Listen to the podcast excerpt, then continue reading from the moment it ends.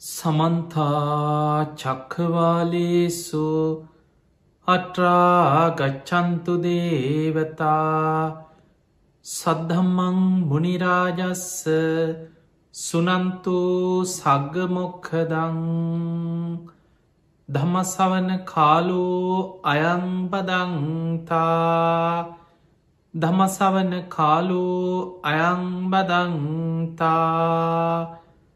දමසවන කාලෝ අයංබදංතා නමුතස්ස භගවතු වරහතු සම්මා සම්බුද්ධස්ස නමුතස්ස භගවතු වරහතු සම්මා සම්බුද්ධස්ස නමුතස්ස භගවතු වරහතු සම්මා සම්බුද්ධස්ස හැම දෙනාටම තෙරුවන්සන්න ප්‍රාර්ථනා කරමින් අදත් ඔබ හැම දෙනෙක්ම කළම්බු ටෙලිවිෂන් මෙත් සදහම් විකාශය ඔස්සේ ලක්වාසී ලෝවාසී හැම දෙනාටම විසුරුවා හැරෙන ඒ උතුම් ධර්ම දේශනාවක පින්බරදාය කත්ති දරමින් ඒ සිදු කරන ධර්ම දේශනාවකටයි ඔබ එකතුවෙන්. විශේෂෙන් ඔස්ට්‍රේලියාවේ සිට පටිගත කරමින් මේ ධර්ම දේශනාපී කළඹු ටෙලිවිෂන් මාධ්‍ය ඔස්සේ ලක්වාසී හැම දෙනාටම කළඹු ටෙලිවිෂන් මෙත් සඳහම් විකාශය විසුරවා හැරෙනවා වගේම අන්තර්ජාලය ඔස්සේ ඒවගේම YouTube පේස්බුක් ඒවගේම කළඹු ටෙලිවිෂන් නිල පේස්බුක් පිටුව YouTube චැනලය වගේම අපේ නමින් තියෙන ලක්ෂ පහකට අධික සැදැවතුන් පිරිසක් ලෝකයේ පුරා එකතු වෙලා ඉන්න ඒ පේස්බුක් පිටුව YouTube නාලිකා ඔස්සේ හැම ආකාරයෙන් අපි උත්සාහ කරන්නේ බනාහන ලක්වාසීන් විතරක් නෙමේ අපේ ශ්‍රී ලාංකිකයන් විශාල පිරිසක්. ලෝකෙ පුරා රටරටවල් වල ජීවත්වෙනවා ඒවගේ මේ දිනවල අපි දන්නවා මේ කොරුණා වසංගතය ලෝකෙ පුරා පැතිරයෑමස් සමග බොහෝ පිරිසක් එක තැන්ව සමහරලාව රස්සාාවකට යාගන්න බැරුව බොහෝ ප්‍රශ්න පීඩා එක්ක මිනිස්සු බොහොම දුකසේ වැඩි පිරිසක් ලෝකෙ අසරණ වෙලා ඉන්න වෙලාවා. එවැනි වෙලාවක කෙනෙකුට විශාල අස්වැසිල්ලක් බුදු කෙනෙක්ගේ බණපදයක් අහන්න ලැබීම. මේ බණපදයක් අහන්න ලැබෙන එක ජීවිතයට විශාල සැනසීම අස්වැසිල්ලක් බවට පත්වෙන. ති එනිසා මේ ධර්මදානමේ පින්කම විශේෂෙන් අද දවස මේ පින්කමේ ප්‍රධාන දායකත්තේ දරණයේ දරුවන්ගේ අරමුණ තමයි මාලබේ පදිංචි සෝම සිරි විජේසුන්දර ඒ පියාණන් සහ ප්‍රේමා විජේසුන්දර යන ඒ මෑණියන් යන ඒ අයටත් ඒ දරුවන් සියලු දෙනාටමත් නිදුක් නීරෝගී සම්පත්තිය තුනුරුවන්ගේ ආශීර්වාදය දීර්ගාව සම්පත්තිය ලැබේවා කියෙන අරමුණෙන් මේ ධර්මදානමේ පින්කම සිදු කරන්න. විශේෂෙන් අගෝස්තු විසි වෙන දිනට සිය හැත්තෑ හයවෙනි ජන්ම දිනය සමරණ දරුවන් අට දෙනෙක් මේ ලෝකයට දායාද කළ ප්‍රේමා විජේ සුන්දර මෑණියන්ට තුනුරුවන්ගේ ආශිර්වාද රැකවරන නිදුක් නිරෝගී සම්පත්තිය ලැබේවා කියෙන ආශිර්වාදය ඒ දරුවන්ගේ උතුම් අරමුණක් බවට පත්වෙනවා. ඒවගේම සෝමසිරි විජේ සුන්දරේ ආදරණය පියානන්ටත් නිදුක් නීරෝගි සම්පත්තිය ලැබේවා කියෙන් ප්‍රාර්ථනයක් ඒවගේම ඒ දරුවන් අට දෙනාගෙම පවුල් ජීවිත බොහොම සාර්ථකව සිදු කරගෙන ඒ දරුවන් දරුවන්ගේ දරුවන්නාදී ඒ පවුල්වල හැම දෙනාටමත් සුජීවත්ව ඉන්න සෑම සියලු දෙනාටම නිදුක් නීරෝගී සම්පත්තිය තුනුරුවන්ගේ ආශිර්වාදය ලැබේවා කියෙන ප්‍රාර්ථනයක් පරම්පරාගත සංසාරගත මිය පරලවගිය සියලු ඥාතීට පින්දීමත් ප්‍රධාන අරමුණ. තිං එහෙමනගේ අරමුණ මුල් කරගෙන මේ ධර්ම කාරණාටික අපි ශ්‍රවණය කරම.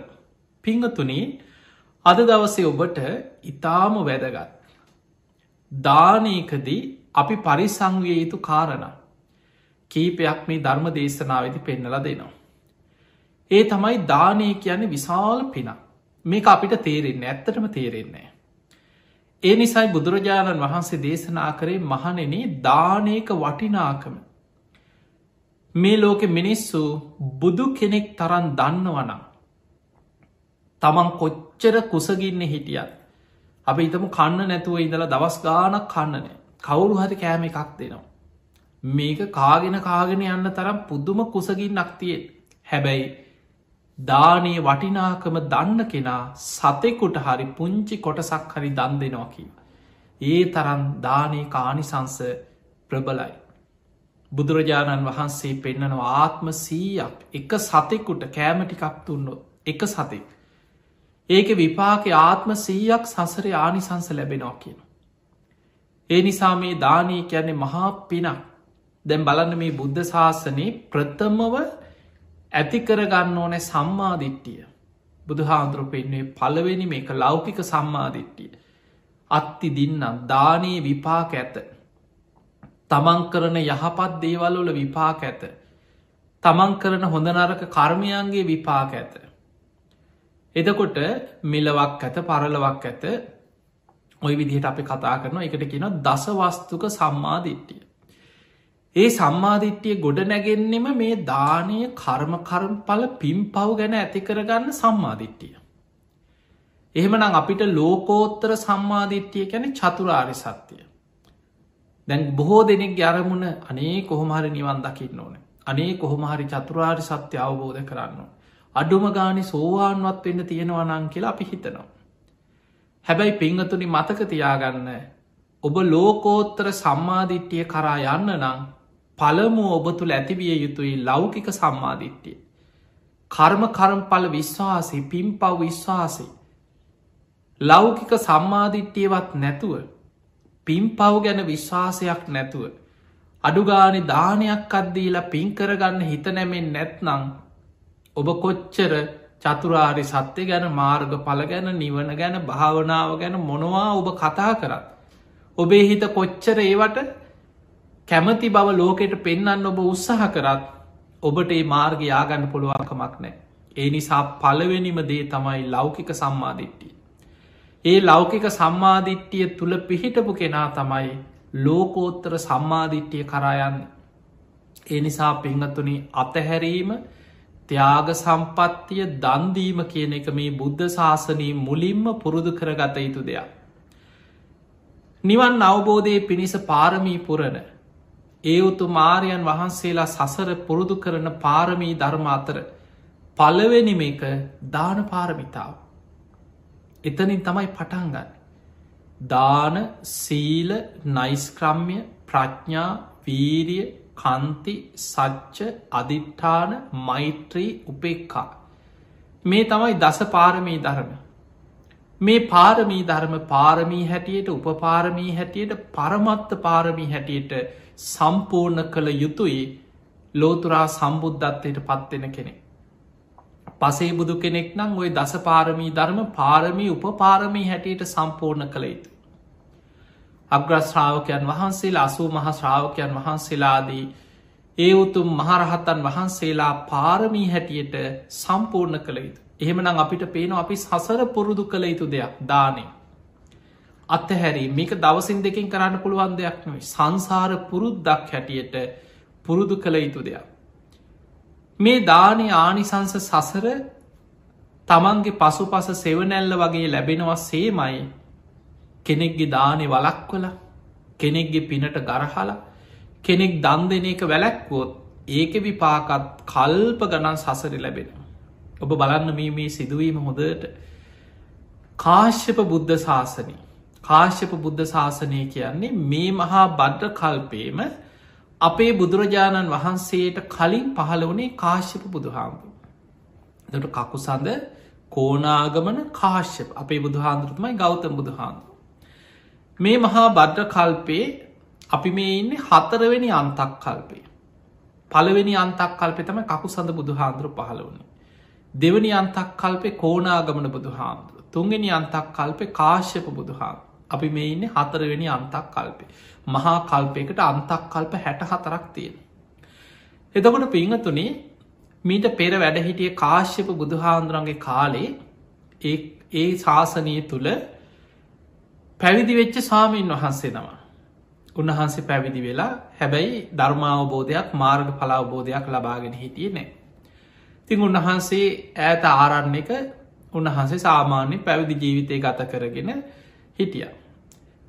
පිංහතුනි මතකතියාගන සිවුර පොරෝපු ගමන් සියලු කෙලෙස් නැතිවෙනව නෙමේ. ඒකට උත්සාහ කළ යුතුයි.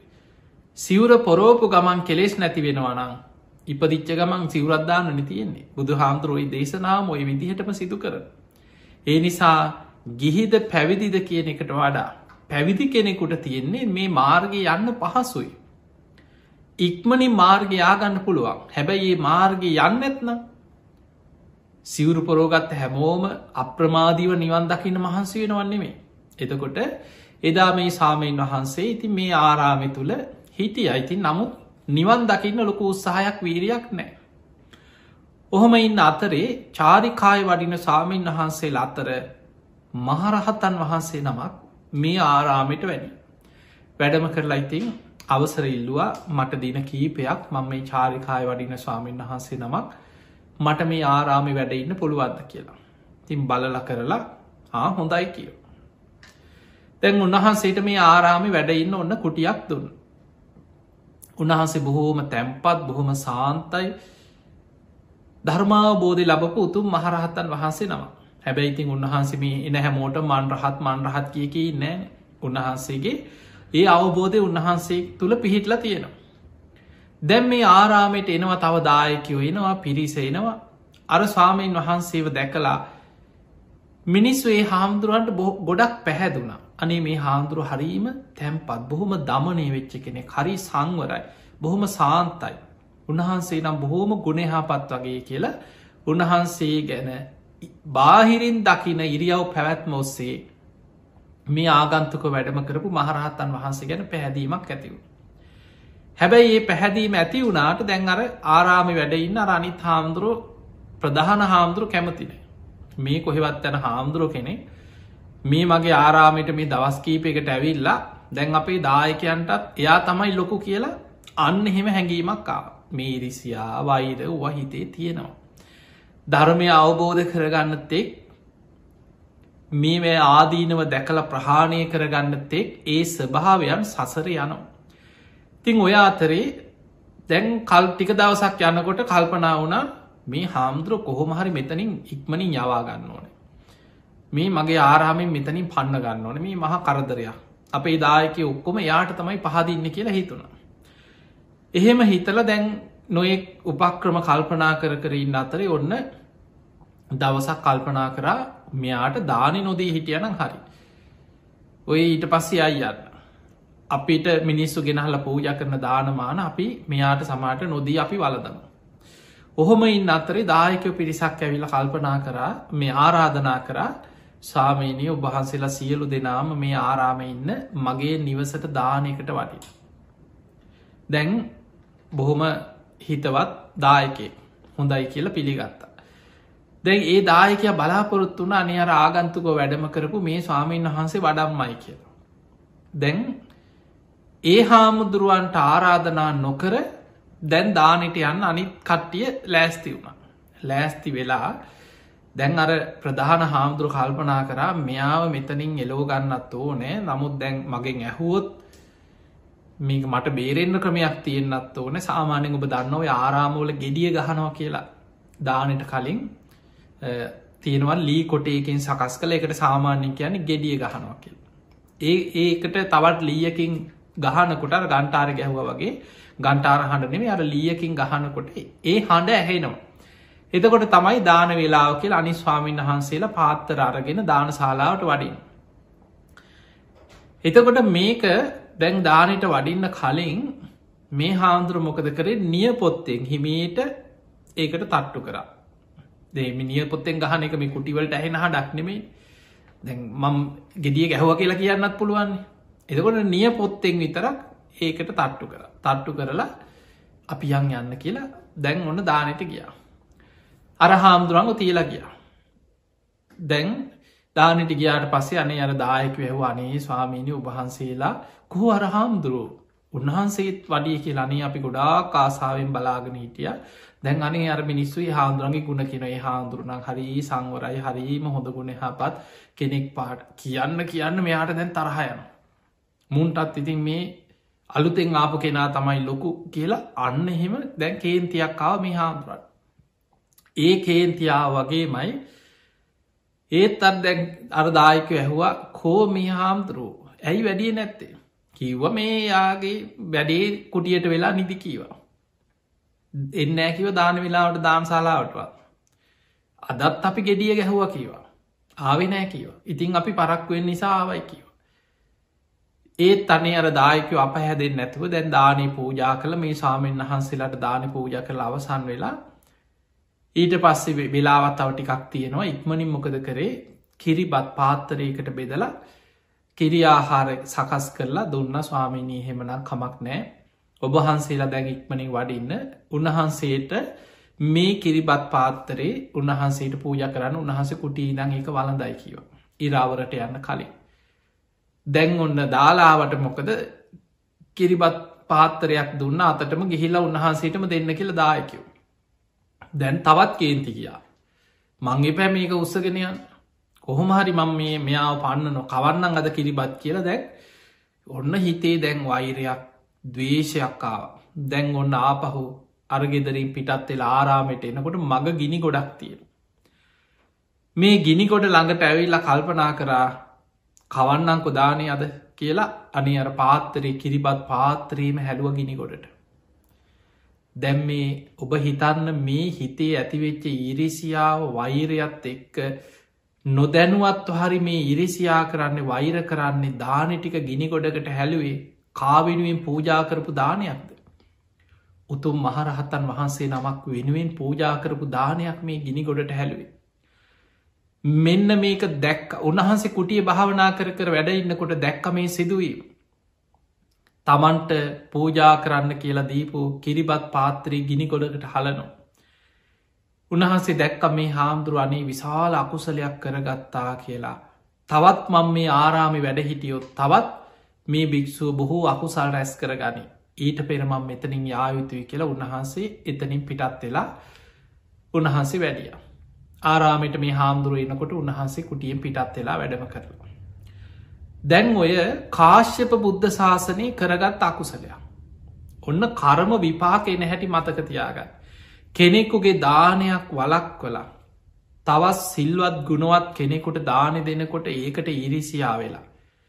ඒ පූජා කරන්න කියලා දීපු දානටික ගිනිකොඩකට දාලා රැස් කරගත්ත කර්ම විපාකි. සසර කොච්චර විපාක දුන්නද කියලව බලන්න. එක කර්මයක විපාක ආත්ම සිය දහස් කනන් සමහර වෙලාවට ගෙවන්න සිද්ධ වෙනවා. ඒ ජීවිතයේ ඒ භික්‍ෂුව මේ කාශප බුද්ධ ශාසනය සිවුරුදාගත්ත කෙනෙක් එදා ඔයදේ කරේ. ඒ ජීවිතේ මරණින් මත්තේ නිරේට වැටුන එතකොට බලන්න සිවර හිටිය කියලායි සුගතියන්න බැරි වුණ.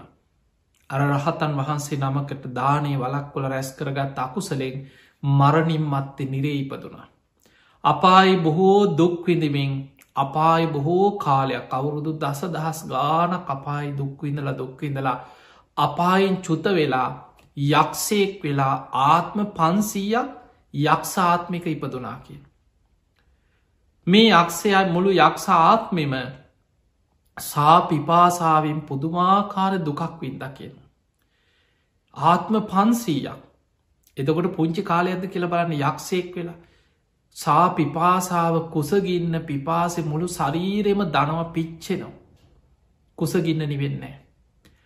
හැබැයි ඒ එකම ආත්මය ඒ ආත්මක එකම වේලා තමන්ගේ ජීවිතය ආවිස අවසන් වෙන්න පෙර එකම වේලක් කුස පුරෝගන්න මොනවා හරි අපිරිසිදු දෙයක් ලැබෙනවා. එක්ක මලකුණ කෝජාවක් හරි උරා බොන්න ලැබෙනවා එකම අවස්ථාව එදාට විතරක් කුසගින්න නිවුණකින්.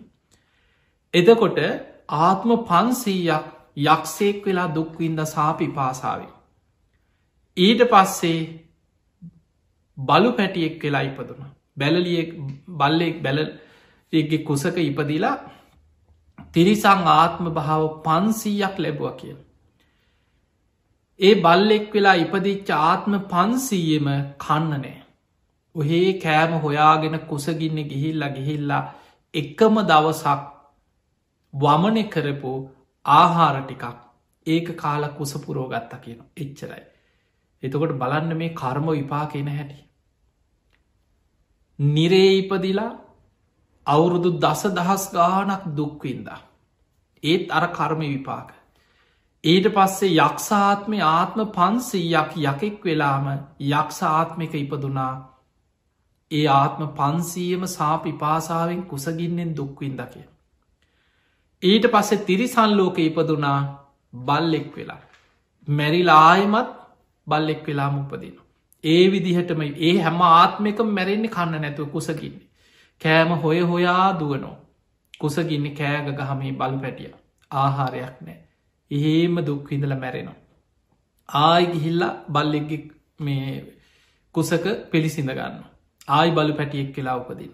ආයි කන්න නැතුව මැරෙනවා. එකම දවසක් වමනි කරපු ආහාර ටිකක් බත් ඇට ටිකක් වමනය එක කාල කුසපුරෝගත එච්චරයි කිය. ඔහොම දුක්හිඳලා දුක්හිඳලා එතනත් ආත්ම පන්සීයක් තිරිසං ආත්මි දුක්වින්දකිය.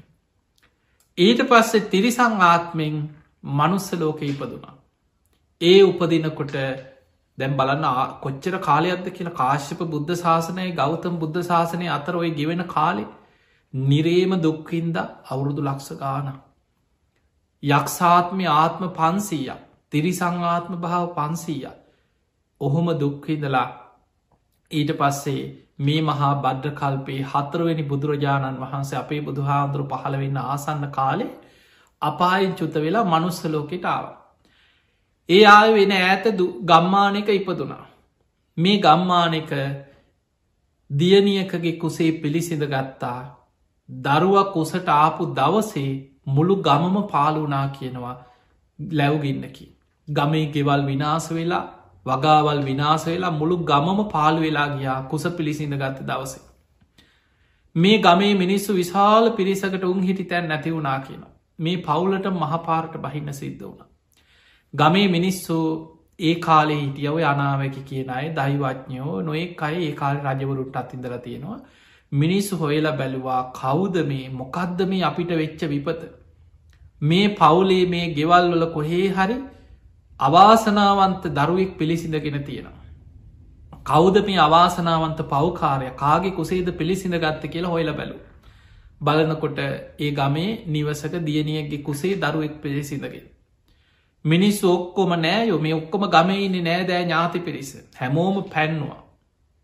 මෙන්න මේ පවකාර අවාසනාවන්ත දරුව නිසා තමයි අපේ ගමම විනාස වනේ මේ ගමේ ඉන්න එපා කියලා අනි අර අම්මව දැන් දරුවක් කුසේ වැඩෙන මේ අම්මව අර නෑදෑය අතරින් ගමෙන් එලෙව්වා. මේ අම්මා දරුවක් කුසේ වැඩෙනවා පාරක් පාරක් ගාන හිඟමන යනවා. පාරවල්ලොල ඇවිද ඇවිද යනවා. බොහෝම දුක්වින්ද. මේ දරුවක් කුසේ වැඩෙන කොටත් හිඟමනේ ගියත් හිඟමනක් හම්බෙන් නෑ කිය. බලන්න කර්ම විපාක පස්සෙන් ගෙන හැටි. ඔහොම දුක්විඳලා කුණු කානුවල තියනේවා. පිළුණු වෙලා විසි කරලා දාලා තින ඕව තමයි කාලකුස පුරෝගන්න. ඔබ දැකල ඇති ඔහොම මිනිස්සු ඕන තලා මෙ පුදුමයක් හැටියට ඔබ හිතුවට මේ සමාජ බලන්න ඔහොම මිනිස්සු පාරවල්ල කොච්චර ඉන්නවාද කියලා. ඔබ බලන්න සාමාන්‍ය ලංකාව ගත්තොත් කොච්චර දරුව වඩාගෙන පාරවල්වල හිඟාකන අම්මල. ඉන්දියාවට ගිහිම් බලන්න කොච්චර දුක්විදිනා ඉන්නවාද කියලා. දරුව වඩාගෙන දුක්විදින කන්න නැතුව පාරවල්වල වැටිලා අර කුණු කානුවල කුණු බාක්‍ය අවස් හවස්ස ඉන්න අය කොච්චර ඉන්නවාද. එතකොට මේ අම්මත් අර දරුවක් කුසේ වැඩෙන කාලෙ අන්ත දුක්වින්ද. මහ පාරිම දරුව බිහිවුණා. ස්පිරිතාලවල ගිහිල්ලා බොහොම සැපසේ රෝහල්ලොල දරුව බිහිවෙන වනේ පාරවල්ලොල වීදිවල දුක්විඳි නම්මලත් මහ පාරිම දරුව බිහිවුණා. දැන් අර දරුවා වඩාගෙන හිඟමනය යනවා. හිඟන්න ඉන්න ගමකට ගියත් අනිත් හිඟන්නොත් ගහල පන්නන එන්න පාමී පැත්තට. මේ කාලකන්නේ ළමය අරගෙන මේ අවාසනාවන්ත ගෑනි මේ ළමේ අරගෙනාවත් අපිටත් හිඟමනක් නැති වෙනවා පලයල්ලා කියලා අනේ ගහල පන්නනවා.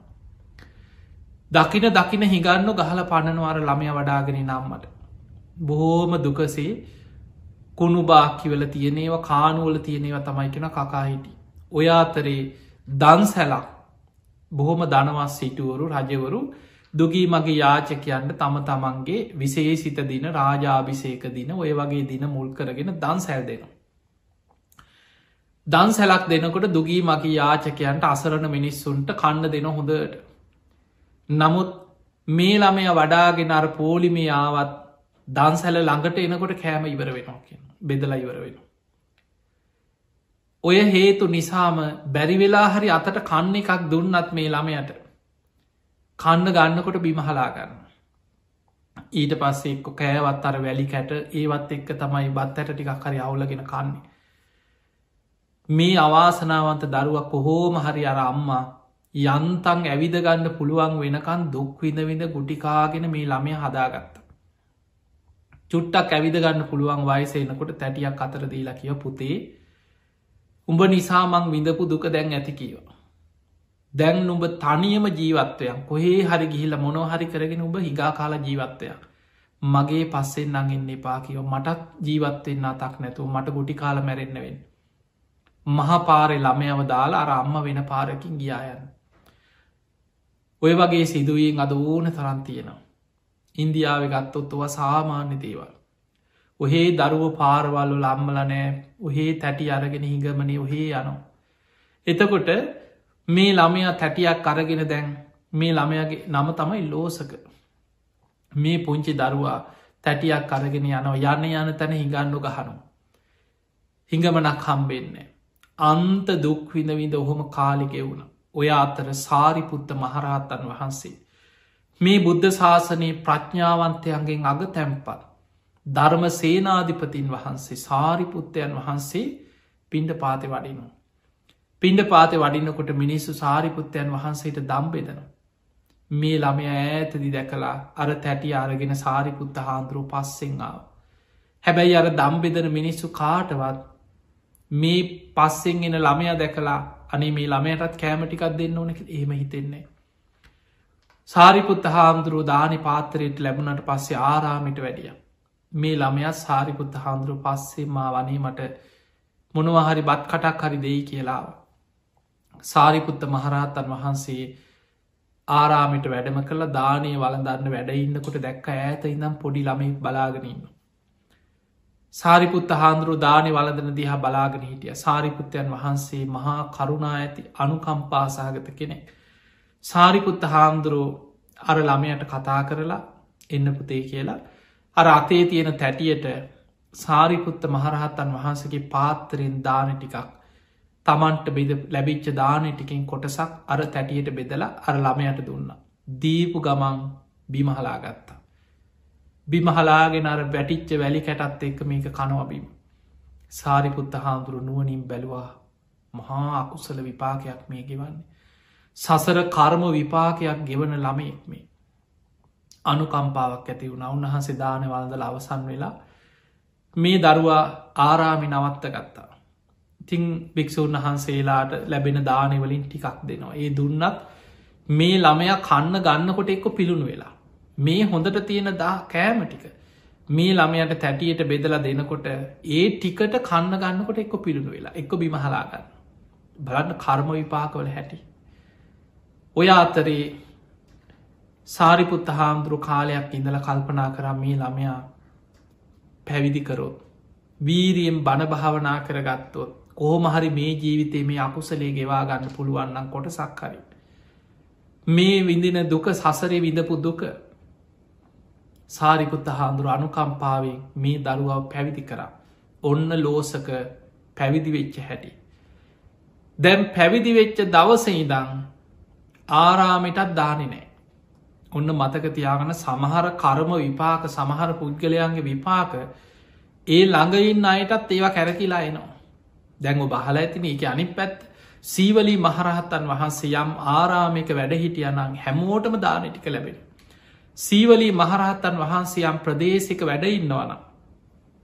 ඒ ප්‍රදේශය ඉන්න සියලු දෙනාට දානමානාදී ලැබෙනවා. සීවලි හාන්දුරු පින්ඩ පාතය වඩිනවන යම් පාරක ඒ පාරි පින්ඩ පාති යන හැමෝටම ප්‍රනීත විදියට දානටික ලැබෙන.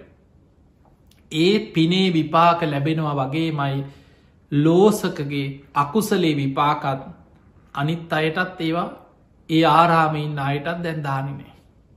ලෝසක පාත්තරය අරගෙන පින්ඩ පාති යනවා. ඒ ලෝසක හාමුදුරු යන පාර යන කාටවත් පින්ඩ පාති ලැබෙන්නේ අනිත් පාරවල් ලොල යන ස්වාමීන් වහසලට ලැබෙනවා ලෝසක හාමුදුරු යම් පාරක පින්ඩ පාති වැඩියන්නගේ කාටවත් ඒත් එක්ක යන කාටවත් දානි ලැබෙන්නේ. බලන්න කර්ම විපාකවල හැටි.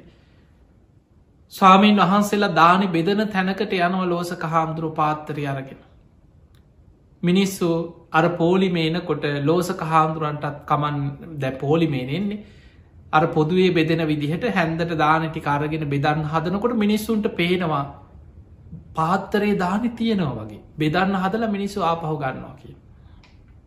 පැවිද්දකි ස්භාවය උදුරල දාගන්න එක නෙමේ කෝකෝ මට දාන දාන්න කියල උදුරලා ගන්න ඉතින් අනේ උන්වහන්සේහෙම වඩිනවා. දානි මිනිස්සු බෙදන්න හදනකොට පාත්තරයේ තියෙනවා වගේ පේනවා. එක්ක අත පාත්තරේ පිරිල දැන් දානිවලට අතින් වහගෙන ඉන්න වගේ මිනිස්සුන්ට පේනවා. කර්ම විපාකින් මේ සංඥාවල් පහළ වෙන හැටි. ලෝසක හාමුදුරුවන්ට පැවිදි ජීවිතයේම කුස පිරෙන්න දාන ටිකක් ලැබුන්නෑ කියන. උන්වහන්සේට ලැබුණ ලැබිච්චදේ පිළුණු වෙච්ච දෙයක් ලැබෙන්. එක්ක උන්වහන්සේගේ පාත්තරයට කොහොම හරි දානි හැන්දක් බෙදුවත් වලදන්න ඉඳ ගන්නකොට ඒටික පිළුණු වෙලා. ඒත් උන්වහන්සේ ප්‍රත්තිවෙක්ෂා කරලා නුවනින් සල කළ වලඳනවා. වැඩිපුරම දවස පුරාම කුසගින්නේ තමයි උන්වහන්සේ වැඩයි. උන්වහන්සේට පුරුදුයි කුසගින්. සමහන්ලාවට සක්මන් කරනකට කලන්ත හැදිල එහෙ මැදගෙන වැටෙන. වාඩි වෙලා භාවනා කරනකොට එහෙම සිහිසුන්ග වැටෙන. බඩගාගෙන ගිහිල්ල වතුර ටිකක් බේලා ආපහු ඉඳගෙන භාවනා කන මේ වගේ වීරිය වැඩි. අපිට මේකෙන් තේරුම් ගන්න පුළුවන් එක දෙයක් තියෙනවා ඒ තමයි කරම විපාක සසරි පස්සෙන් එනවන් නිවන් දකිනකම්. හැබැයි ඒ කොච්චර කර්ම විපාක පස්සෙන් ආවත් වීරියවන්ත කෙනාට ඒ අකුසල් යටපත් කරගෙන නිවන් දකින්නත් පුළුවන්කම තියෙන. ලෝසක හාමුදුරුවන්ට ඔච්චර කරදරාවත් ලෝසක හාමුදුරුවොත් නිවන් දකින්න ගත්ත උත්සාහය අතහැරියනෑ. සාරිපුත්ත මහරහතන් වහන්සේ තමයි ආචාරයන් වහන්සේ. සාරිපුත්ත හාන්දුරු මහා කරුණාවෙන් සාරිපුත්ත හාන්දුරු කරුණාවෙන් උපදෙස් දුන්නා ලෝසක ඔබ වීරිය වඩන්. ඔබේම පෙර අකුසලයක් ඔබේ පස්සෙන් ඔය එන්නේ. ඔබ කොහොම හරි මේ ජීවිතේම ධර්මය අවබෝධ කරගෙන මේ දුකෙන් මිදන්න උත්සාහ කරන්න. නැත්නං ඔබට කල්ප ගනම් මේ කර්ම විපාක ගෙව ගෙව සසර යන්න වෙනවා. ඔබ මේ ජීවිතේම වීරිය වඩන්. ලෝසක හාමුදුරුවෝ මේ උපදේ සාරගෙන පුද්දුම වීරියෙන් භාවනා කරනවා සක්මන් කරනවා ඒ අත්තර නිතර කුසගින්න නිසා සිහිසුන් ඇදගෙන වැටෙන. ඔය විදිහට වීරිය වඩලක් කොහොම හරි වීරියෙන් භාවනා කරලා ලෝසක හාන්දුරුවෝ ජයගත්තා. කෙලෙසුන්ගෙන් මිදිලා උතුම් මහරහතන් වහන්සේ නමක් බවට පත් වුණ. දැන් රහතන් වහන්සේ නම ලෝසක මහරහත්තන් වහන්සේ. මතකතියාගන්න රහත් වනා කියලා රහත් වෙච්ච ගමන් අර කර්ම විපාක ඉවර උන්නේ. ඒ අකුසල විපාක පිරිනිවන් පානකම් විපාක දුන්න. ඒවට ධර්මය කෙන ප්‍රවෘත්ති විපාක කිය. ඔබහල ඇති රහතන් වහන්සේලාටත් පිරිනිවන් පානකන් කර්ම විපාකදීපු සිදුවීම් ගැන ධර්මය සඳහන් වෙන ලෝසක හාමුරන්ටත් ඒ වගේ. දැන් උන්වහන්සේ රහත් වෙලා රහතන් වහන්සේ නම පින්ඩ පාති වඩිනවා. ඒත් දානි ලැබෙන් නැවෙනද වගේමයි. පාතරයට දාන බෙදන්න සූදානගෙනකට මිනිස්සුන්ට පේනවා පාත්‍රයේ දානි පිරිල වගේ. එක්ක පාත්‍රය අතින් වහගෙන ඉන්න වගේ පේනු.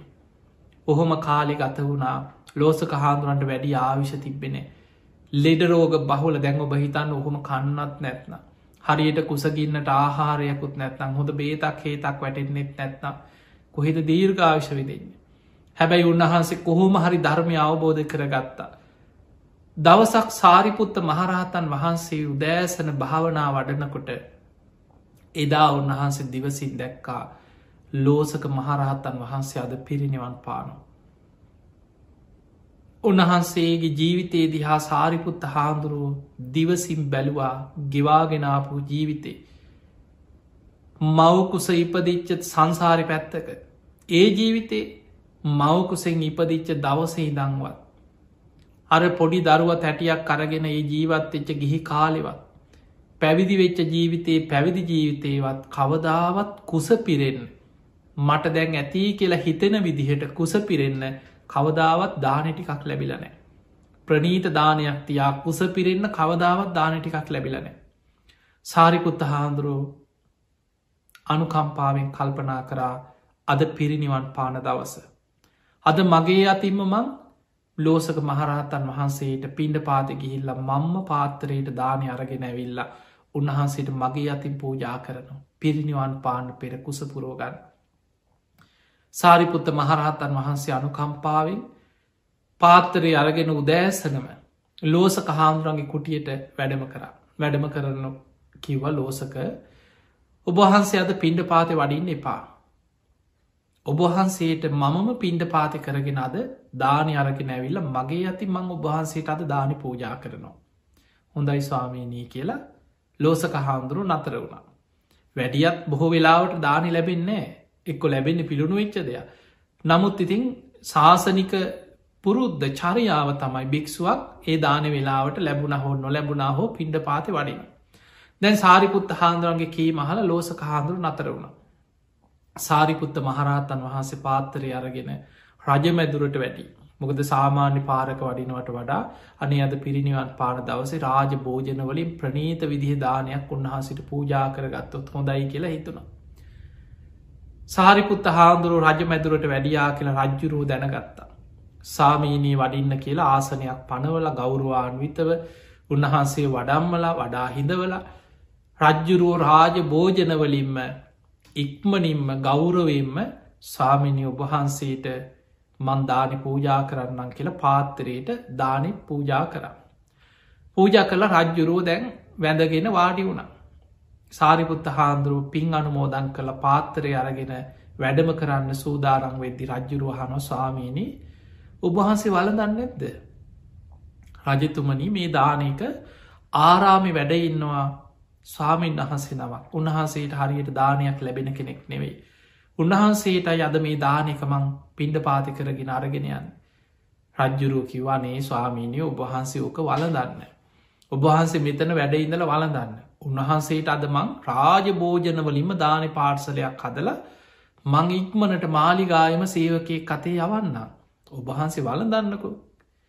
රජ්ජුරුවොත් සාරිකුත්ත හාමුදුරන්ට අඩුපාඩු බෙදන්න එතනම රජ්ජුරුවොත් වාඩි වෙලා සාරිපුත්ත මහරහතන් වහන්සේට දානී පූජා කරමින් සාරිපුත්ත හාමුදුරු වලඳන හැටි බලාගෙන පින් අනුමෝදං වෙවී රජ්ජුරුවොත් එතන වැඩ හිටිය. අනි සාරිපුත්ත දැ රජ්ජුරුවන්ගේ කීවනි සාරිපුත්ත හාමුදුරු දානටික එතන වැලදුව. රජ්ජුරු ඒ වෙලේම සේවකයකුට සාරිපුත්ත හාමුදුරු ඉදිරීම කතා කරලා කිව්වා ප්‍රනීත විදිහටම මේ රාජ භෝජනවලින් දානි පාර්සලයක් හද හදලා ආරාමි වැඩඉන්නවා සාමීන් වහන්සේ නමක් උන්වහන්සේට ඉක්මනින් ඒ දානක ලැබෙන සලස්සන්නකි. දැන් සේවකයකුට පණවිඩේ දුන්න සේවකයා රජ්ජුරුවන්ගේ භෝජනාගාරඉන්න කෙනෙකුට පණවිඩේ දැනුන්දුන්.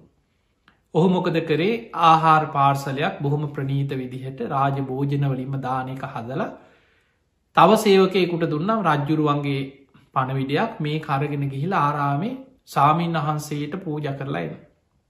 දැම් මේ සේවකයා මේ කාරගෙන මග යනකොට ඒ පැත්තට යන පාරි ළමේ කම්බුණ ඇහව කොහෙ දෙයන්නේ ආරාමි පැත්තෙන් කිව යන්නේ.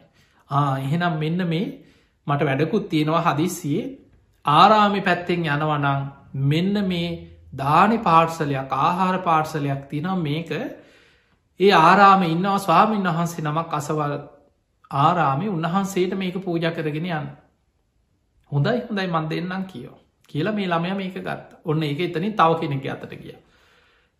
ටික දුරක් යනකොට මේ ළමයා සුවඳයි. රාජ භෝජන්නේ ටික දුරක් යනකොට මේ කොල්ල වටපිට බැලුව කවුරුත් පේෙන්න්නත් නෑ පැත්තකින් වාඩි වෙලා පාර්සලේ ලෙහල බැලුව රාජ භෝජන චුට්ටක් කටේදාගත්ත පැත්තකින් ටිකක් කාලා ඔතල අර විදිහට මොතාගෙන ටික දුරක් ගිය. යනකොට ආයි දැන් පෙරේත කටට කෙල උන නො ආයි වටපිට බල්ල පැත්තක වාඩි වෙලා ආයි ටිකක් කටේ දාගත්ත. දැන් බාර පාර්සලෙන් භාගයක් විතර ඉවර දැන් ඒටි කොතාගෙන ටික දුරක් යනකොට ආරාමි පේනමානෙදි කල්පනා වුණා. හාමුදුරුන්ට ඉතින් හැමදාම හම්බෙනවානි. රාජ භෝජනවලීද හැමදාම දානි හම්බෙනවා ඇති. අර ගහයට වාඩි වෙලා ආරාමි පේනමානෙම වාඩි වෙලා අර පාසලේ ලිහාගෙන මේ ළමය එක කෑවා.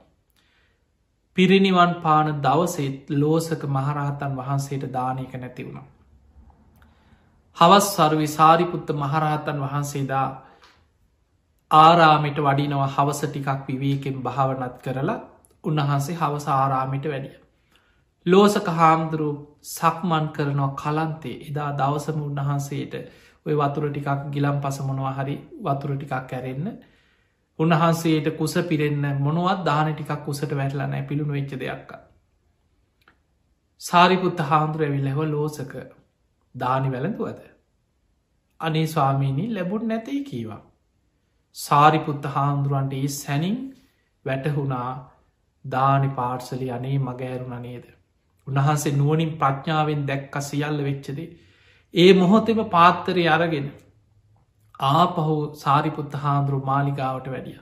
මේ ආරාමිට මෙන් හවස් වෙලා දැම්මි දානපින් මේ පිළිගන්න පුළුවන් වෙලාවක් නෙම ඒ සාරිපුත්ත හාන්දුරු මාලිකාවට වැඩිය. රජතුමාට දැනුන් දුන්නා රජතුමනි දැන් දානි පිළිගන්න වෙලාවක් නෑ. හැබැයි චතුමදුර දෙයක් වගේ දෙයක් පාත්‍රයට පිළිගන්න පුළුව.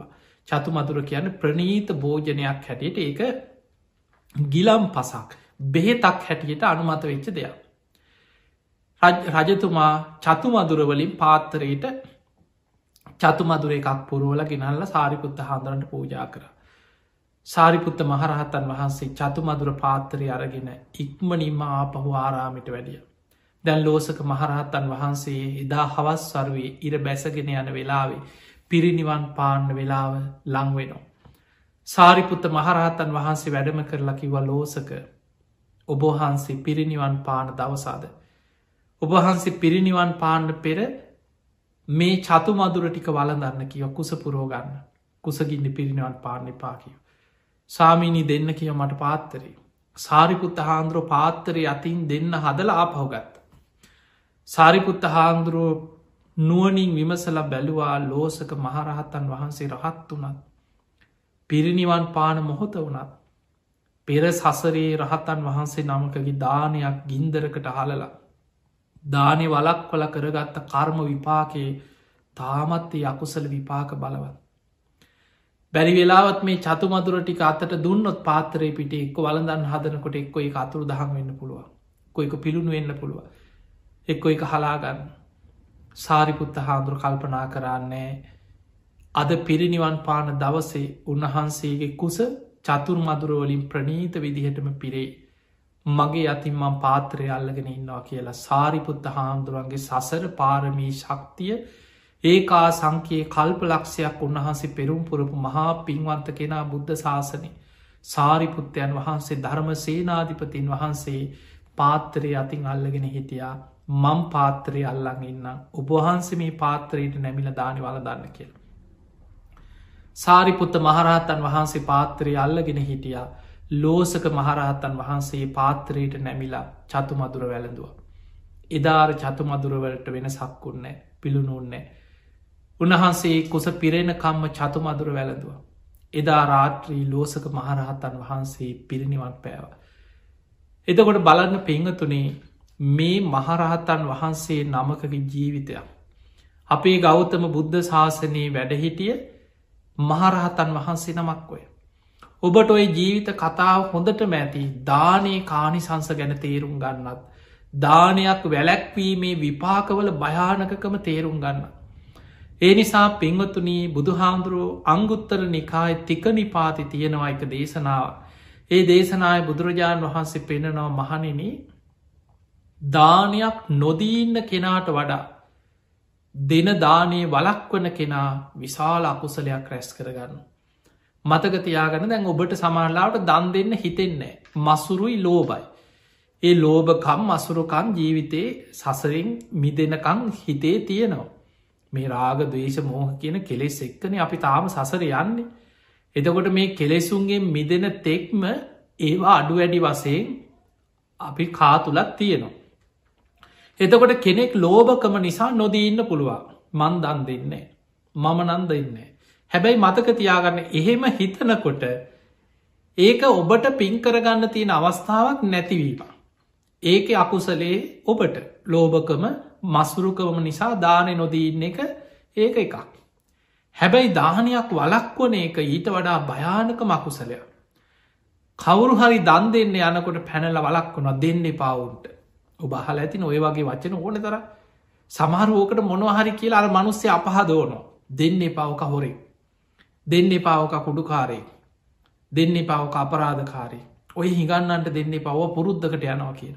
එතකොට ඔහොම කියලා මොනවා හරි කියලා අපහදවනු. සමහරලාවට මි නැතිවැරි මිනිස්සුන්ට විතරක්නමේ සාමීන් වහන්සේලට දන් දෙන්න හැදුව සමහරු පනිනෝ දෙන්න එපා ඔය තැන්ගොලට ඌවට ඕන තරන් ලැබෙනවා. එදකොට එහෙම කියලා කවුරු හරි කරන පින නවත්තන. දෙන්න එපා ඔවුන්ට ඔවුන්ගේ හැටි අපිනු දන්නව අන්න එහෙම කියලා මොනවා හරි කියලා කාගෙ හරි දෙයක් වලක් වනවා. බුදුරජාණන් වහන්සේ වදාළ මහනෙනි දානය වලක්වන කෙනා තුන් දෙනෙකුට අනර්ථයක් කරගන්න මහා විශාල අකුසලයක් රැස් කරනවා. එකක් තමයි දානය වලක්වන කෙනා දන් දෙන කෙනාට දානය තුළ රැස්වෙන්න තිබ පින ඔහුට අහිමි කරලා දාන. ඔන්න දන් දෙන කෙනාට රැස්වෙන්න තිබ පින ඔහුට නැති කරනවා දානය වලක් වන කෙනා. එතකොට ලැබෙන කෙනාට ලැබෙන්න තිබ්බ ලාභයක් නැති කරනවා. ඔන්න දෙන්නෙකුට අනර්ථයක් කරා. දෙන කෙනාට රැස්වෙන පිනත් නැති කරා ලැබෙන කෙනාගේ ලාභයක් නැති කරලා දෙම. ඒ සියල්ලන්ට පෙර තමන් දානය වැලැක්වීම තුළ තමන්ගෙම ගුණ තමන් නසාගන්නවා කිය. තමන් විශාල අකුසලයක් රැස් කරගන්න. එතකොට දෙන කෙනාගේ ලාබෙත් පිනත් නැති කරනවා ලැබෙන කෙනාගේ ලාභයක් නැති කරනවා තමන්ගේ ගුණයක් නසාගන්න. තුන් දෙනෙකුට අනර්ථයක් කරලා විශාල අකුසලයක් සසරි රැස් කරගන්න. ඒ නිසා මතකතියාගන්න පින්වතුනි දන් දෙන්න ලෝබයින නොදීන්නෙක වෙනම දෙයක්. කවුරු හරි කරන පිනක් වලක්වන්න යන්න එපා. මැදින් පැනල අහක යන කරුමවලට කරගහන්න යන්න එපා. හිගන්නෙක් ගෙවත් දෙන්න එපා කියලා ඒ ලැබීම නවත්හන්න යන්න එපා. ඒ නිසා ඔබ පුළුවන් තරන් මේ පිනේ විපාක අකුසලේ ආදීනව දන්නවන දැම් බලන්න ලෞකික සම්මාධිත්‍යයක තියෙන වටිනාකම. ඒ නිසයි බුදුරජාණන් වහන්සේ පෙන්වේ මහනෙනි ලෝකෝත්තර සම්මාධිත්‍යය ඇති කරගන්නත් පළමුුව ලෞකික සම්මාධිත්‍යය තිබිය යුතුයි. පින් පව් විශ්වාසේ කර්ම කරම් පල විශ්වාසයේ මෙලෝ පරලෝ පිළිගැනී. දක්කිනා විභංග සූත්‍රය කියල දේශනාවක් තියෙන. ඒ දේශනාවටිකක් දිග දේශනාව. ඒ දේශනාය බුදුරජාණන් වහන්සේ දානය ආනිසන්සේ එකින් එක එකින් එක එකින් එක විස්තර කර කර පෙන්න්නනවා. ඒ නිසා මතකතියාගන්න සතෙකුට තිරිසන් සතෙකුට කුසගින්න නිවාගන්න කෑමටිකක් දුන්නොත් එක සතෙකුට කුසගින්න නිවාගන්න ආහාර ටිකක් දුන්නොත් ආත්ම සීයක් ආනිසංස ලැබෙන විපාකයක් කියනවා. ආත්ම සීයක් මේක එක දවසත් දෙකක් නෙමේ. උපෝපං ආත්ම භාවල සීයක්. සසරි ආහාර දානාදී පින්කං මේ විපාක තමන් පසු පස ලැබෙනවාකි. ඊළඟට බුදුරජාණන් වහන්සේ පෙන්නවා දුස්සීලෙක් වෙන්නත් පුළුවන් මිත්‍යා දෘෂ්ටිකෙක් වෙන්න පුළුවන් අසරණ මනුස්සේ. එතකොට කලින්කිව තිරිසනෙක් දැන් මනුස්සේ හැබැයි මනුස්සෙක් වුණාට බොහෝ ගුණ ධර්ම ඇති සිල්වත් ගුණුවත් කෙනෙක් නෙමේ දුස්සීලෙක් වෙන්න පුළුවන් මිත්‍යා දෘෂ්ටිකයෙක් වෙන්න පුළුවන් හැබැයි අසරණ කෙනෙ අනේ පව්මේ අසරණයක් කියලා කුසගින්න නිවාගන්න ආහාර ටිකක් දෙනු. ආත්ම දාහක් කානිසංස ලැබෙන විපාකයක් කිය. තොට බලන් තිරිසන් සතෙක්ගේ කුසගින්න නිවෝ තාත්ම සීයයි. එක මනුස්සෙක් දුස්සීලෙක් වුණත් ඔහුගේ කුසගින්න නිවාගන්න ආහාර ටිකක් දුන්නොත් ආත්ම දාහක් කානිසංස ලැබෙන පිනක්. දැන් අපි හිගන්නෙක් ගැන හිතන් හිගන්නන්ගේ සිල් හොයන්න යන්න එපා ඒ මිනිස්සු කරගන්නද ඒ මිනිස්සු ගෙනියයි. සමහරලාවට ඔය පාරවල්ල යනකොට කොච්චරෙනවද අනේ නෝනා කන්න නෑ කාලනෑ කෑම ටිකක් දෙන්න කියාගෙන නවා. ඒ මනුස්සයගේ පැටිකිරිය හොයන්න ගියොත්.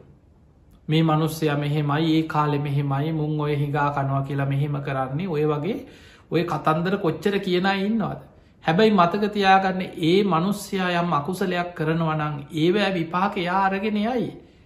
හැබැයි ඔබට පිනක් කරගන්න ලැබිච්ච වෙලාවා. කෙනෙක් මනුස්සෙක් නං අසරණ කෙනෙක් නම් කුසගින්න ඉන්න කෙනෙකුට එක වේලක් කුසගින්න නිවාගන්න ආහාර ටිකක් දුන්නොත් ඒක ආනිසංස ආත්ම දාහක් සසරි ලැබෙන. ඒ නිසා පුළුවන් තරම් පින් කරන්න අනුන්ගේ ජීවිත ගැන හොයලා අනුන්ගේ දේවල් හොයන්න ගිහිල්ලා තමන්ගේ පින නැති කරගන්න එපා ඒ මිනිස්සු කරගන්න දේවල් ඒ මිනිස්සු සසරි අරගෙනයයි ඔබ කරගන්න දේවල් වල විපාක ඔබට සෙවනැල් වගේ සසරි පස්සෙන් එනවා. ඒ නිසා පුළුවන්තරම් පින් කරගන්න. බුදු හාදුරක තැනක පෙන්න්න මහනිනි පිනේ විපාක මේ ලෝක මිනිස්සු දන්නවන. තමන් උයා පිහාගත්ත භාජනයක් හෝදල විසිකරත් හැම වෙලාම හිතනවා ඉඳුල් වතුර ටික විසි කරන්න භාජනයක් හෝදලා. හැබැයි විසිකරනකොට හිතන අනේමේ මහපොළොයි කොච්චරන සත්තු ඇද. ඔය පනුවෝ ගැඩවිල්ලෝ නොඒ පුංචි සත්වන කුරුල්ලො පවා ඇවිල්ල ඔය විසි කරන ඉදුල්ටිකේ බත් ඇට අහුලගෙන යන කුරුල්ලො දැකළ නැද. ලේම් පැටව් අර බත් ඇටේ ඇට අහුලගෙන ගිල්ලා කුසගින්න නිවාගන්න. ඒ නිසා මේ විසි කරන ඉදුල් වතුර ටිකෙන් කී දෙනෙකුගේ කුසගින්න නිවෙනවද මේ මහපොළොවේ ඉන්න හරි මේ සත්වයකුට කුසගින්න නිවේවා කියලා මෛත්‍රී සිතෙන් නං ඉදුල් වතුර ටික විසි කරන්න මහනින ඒකත් දානමය ආනිසංස ඇති පිනක් කියලා. ඒ නිසා පිංහතුනී පින් කරන්න පිනක වටිනාකම තේරුම් ගන්න. පින කියන්නේ මහා පුදුම දෙයක්. අපිට නිවන කරායන්න අවශ්‍ය දෙයක්. පින් කරගත්ත කෙනා සුකාපටි පදා කිප්පාබිඤ්ඥා සැප සහිත මාර්ගයක ඉක්මනින් නිවන කරායනවා පින් දහම් රැස් කරගත්ත කෙනා. ඒ නිසා පින දියුණු කරන්න. පින අපිට අවශ්‍යයි කොතනවත් බුදු හාන්දුරු පින් කරන්න එපා කියලනේ බුදුරජාණන් වහන්සේ පෙන්වේ මහනෙනි භාජනයකට ජලය බින්දුව බින්දුව වැටිලා ඒ භාජනයේ ජලයෙන් පිරිලා ඉතිරිලා යන. ඒ වගේ ජීවිතයට පුංචි පුංචි පින් එකතු වෙලා එකතු වෙලා එකතු වෙලා ඒ ජීවිතේම පිනෙන් පිරිලා ඉතිරිලා යන. ඒ නිසා කවදාවත් පිනක් පුංචී කියලා පිනට අවමං කරන්නත් එපා. පුළුවන් තරම් පුංචි පුංචි පින එකතු කරලා ජීවිතය පිනෙන් පුරෝගන්න. තින් එහෙමනං ඔබට අද මේ ධර්ම දේශනාව මේ ධර්මාණු ශාසන ඔබේ ජීවිතයට පිනක වටිනාකම අතහැරීම දන්දීම ත්‍යයාග සම්පත්තිය ගැන ගොඩා කරුණු ඔබ දැනගත්තා. මේ සියලු පින් සියලු දෙවියෝ සාදු කාරදිදී අනමෝදන් වෙත්වා දෙවියන්ගේ දිවියස ඉසුරු වර්ධනය කරගෙන සියලු දෙවියෝතුම් නිවනටම පත්වේවා කියල සාදු කියල දෙවියන්ට පින් දෙන්න ඒ පින ඔබ හැම දෙනාටමත් ධර්මදානමේ පින කියන්නේ දානයන් අතරත් අග්‍රම දානය සබ්බදානන් ධම්මදානංචිනාත් ති ඒ පිනෙන් ඔබ හැම දෙනාටමත් විශේසිෙන් අද මේ ධර්ම දේශනාවේ පින් බරදාය කති ධරමින් කටයුතු කරන මාලබේ පදිංචි සෝමසිරි විජේසුන්දර පියාණන් ප්‍රේමා විජේසුන්දර මෑණියන් දෙපල ඇතුළුවේ දරුවන් සියලු දෙනාටමත් සියලු දෙවියන්ගේ පිහිට රැකවන තුනුරුවන්ගේ ආශිර්වාදය නිදුක් නීරෝගී සම්පත්තිය දීර්ගාවි සම්පත්තිය ලැබේවා ලැබේවා කියලා ආශිර්වාද කරනවා. ඒ වගේ මගෝස්තු විසි වන දින සිය හැත්තෑ හයවෙනි ජන්මදිනය සමරණ දරුවන් අට දෙනෙක් මේ ලෝකයට බිහිකරපු ඒ පින් බරමෑණියන් වන ප්‍රේමා විජේසුන්දර මෑණියන්ට තුනුරුවන්ගේ ආශිර්වාදී නිදුක් නීරෝගී සම්පත්තිය දීර්ගාව සම්පත්තිය ලැබේවා කියන ආශිර්වාද ප්‍රාර්ථනය. ඒ වගේම සෝමසිරි විජේසුන්දර පියානන්ටත් නිදුක් නීරෝගී සම්පත්තිය තුන්රුවන්ගේ ආශිර්වාදය දීර්ගාව සම්පත්තියම ලැබේවා කියන උතුම ආශිර්වාද ප්‍රාර්ථනය. ඒ වගේම දරුවන් අට දෙනාටත් ඒ දෙමාපියන්ගේ දරුවන් අට දෙනාට ඒ අයගේ පවුල්ලට සහ සම්බන්ධ සෑම සියලු දෙනාටමත් ඒ අයගේ පවුල්ල ඉන්න හැම දෙනාටම සුජීවත්ව ඉන්න සියලු දෙෙන. නිදුක්කේවා නිරෝගි වේවා සූ පත්තේවා. ඒ හැම දෙනාට මුතුම් ධර්මාවබෝධය පිණිස මේ පින ආශිර්වාදයක් වේවා කියලා ආශිර්වාද කරනවා. ඒ වගේම නමින් මිය පරලවගේ වර්ග පරම්පරාගත සියලු ඥාති ඔබත් කල්පනා කරගන්න ඔබ නමින් මිය පරලෝගේ සියලු ඥාතියනොත් මේ පිනෙන් ඒ අයගේ පරලෝ ජීවිත සැපවත්තේවා සුහපත්තේවා වහවහා සසර දුකින් අතවිදේවා කියල සාදු කියල පින් දෙන්න. ඒවගේම පූජනී ගරිකම ඥාර්දීප සාමීන් වහන්සේටත් කරන ශාසනය කටයුතු දියුණු කරගන්න මිදුක් නීරෝගී සම්පත්තිය දීර්ගාවිශ ලැබේවා කියල අපටත් ආශිර්වාද කරනවා. ඒ වගේම කොරුණා වසංගතයෙන් පීඩාවට පත්වෙලා ඉන්න ලක්වාසී ලෝවාසි හැම දෙනාට. නිදුක් නීරෝගේ සම්පත්තිය සැලසේවා කියෙන ආශිර්වාද ප්‍රාර්ථනය ඒ පිංගතුන්ගේ අරමුණු අතර සඳහන් වෙනවා. ඉතින් ඒමනගේ හැම දෙනාටමත් ඔබැහම දෙනාටමත් ධර්මාවබෝධය පිණිස්සම මේ පින ආශිර්වාදයක් වේවා වේවා කියලපි ආශිර්වාද කරනවා. ආකා සට්හා චබුම් මට්හා දේවානාගා මහිද්දිකා පුഞ්ඥන්තන් අනුමෝදිත්වා චිරන්රක් කන්තුලෝක ශාසනං ආකා සට්හාචබුම් මට්හා දේවානාගා මහිද්දිකා පුഞ්ඥන්තන් අනුමෝදිත්වා චිරන්රක් කන්තු දේශනං ආකා සට්හාචබුම් මට්හා දේවානාගා මහිද්දිකා පුഞ්ඥන්තන් අනුමෝදිත්වා චිරන්රක් කන්තුතුවං සදා හැම දෙනාටම සම්මා සම්බුදු සරණයි.